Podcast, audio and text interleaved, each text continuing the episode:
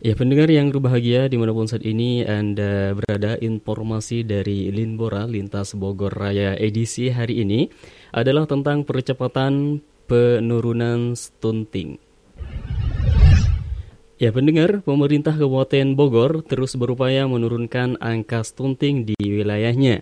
Salah satu upaya yang dilakukan adalah dengan program pemberian makanan tambahan atau PMT terhadap bayi balita yang menderita gizi kurang.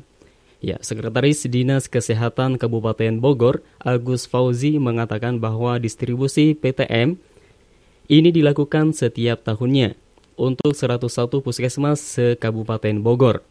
Fauzi juga menjelaskan bahwa PTM ini merupakan salah satu upaya investasi, intervensi yang terus dilakukan pemerintah Kabupaten Bogor demi terciptanya peningkatan derajat kesehatan masyarakat di Kabupaten Bogor.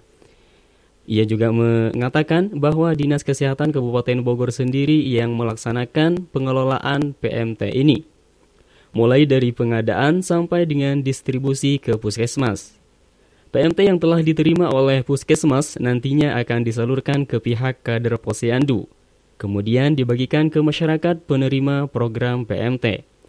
Terkait adanya temuan PMT yang melebihi batas waktu layak konsumsi di Desa Cisadala, Kecamatan Cigombong, pihaknya sudah berkoordinasi dan juga melakukan cek langsung ke lokasi. Agus menegaskan bahwa pihaknya terus memperkuat pengawasan pendistribusian PMT tersebut dengan dukungan aparat desa dan kader yang ada di wilayahnya.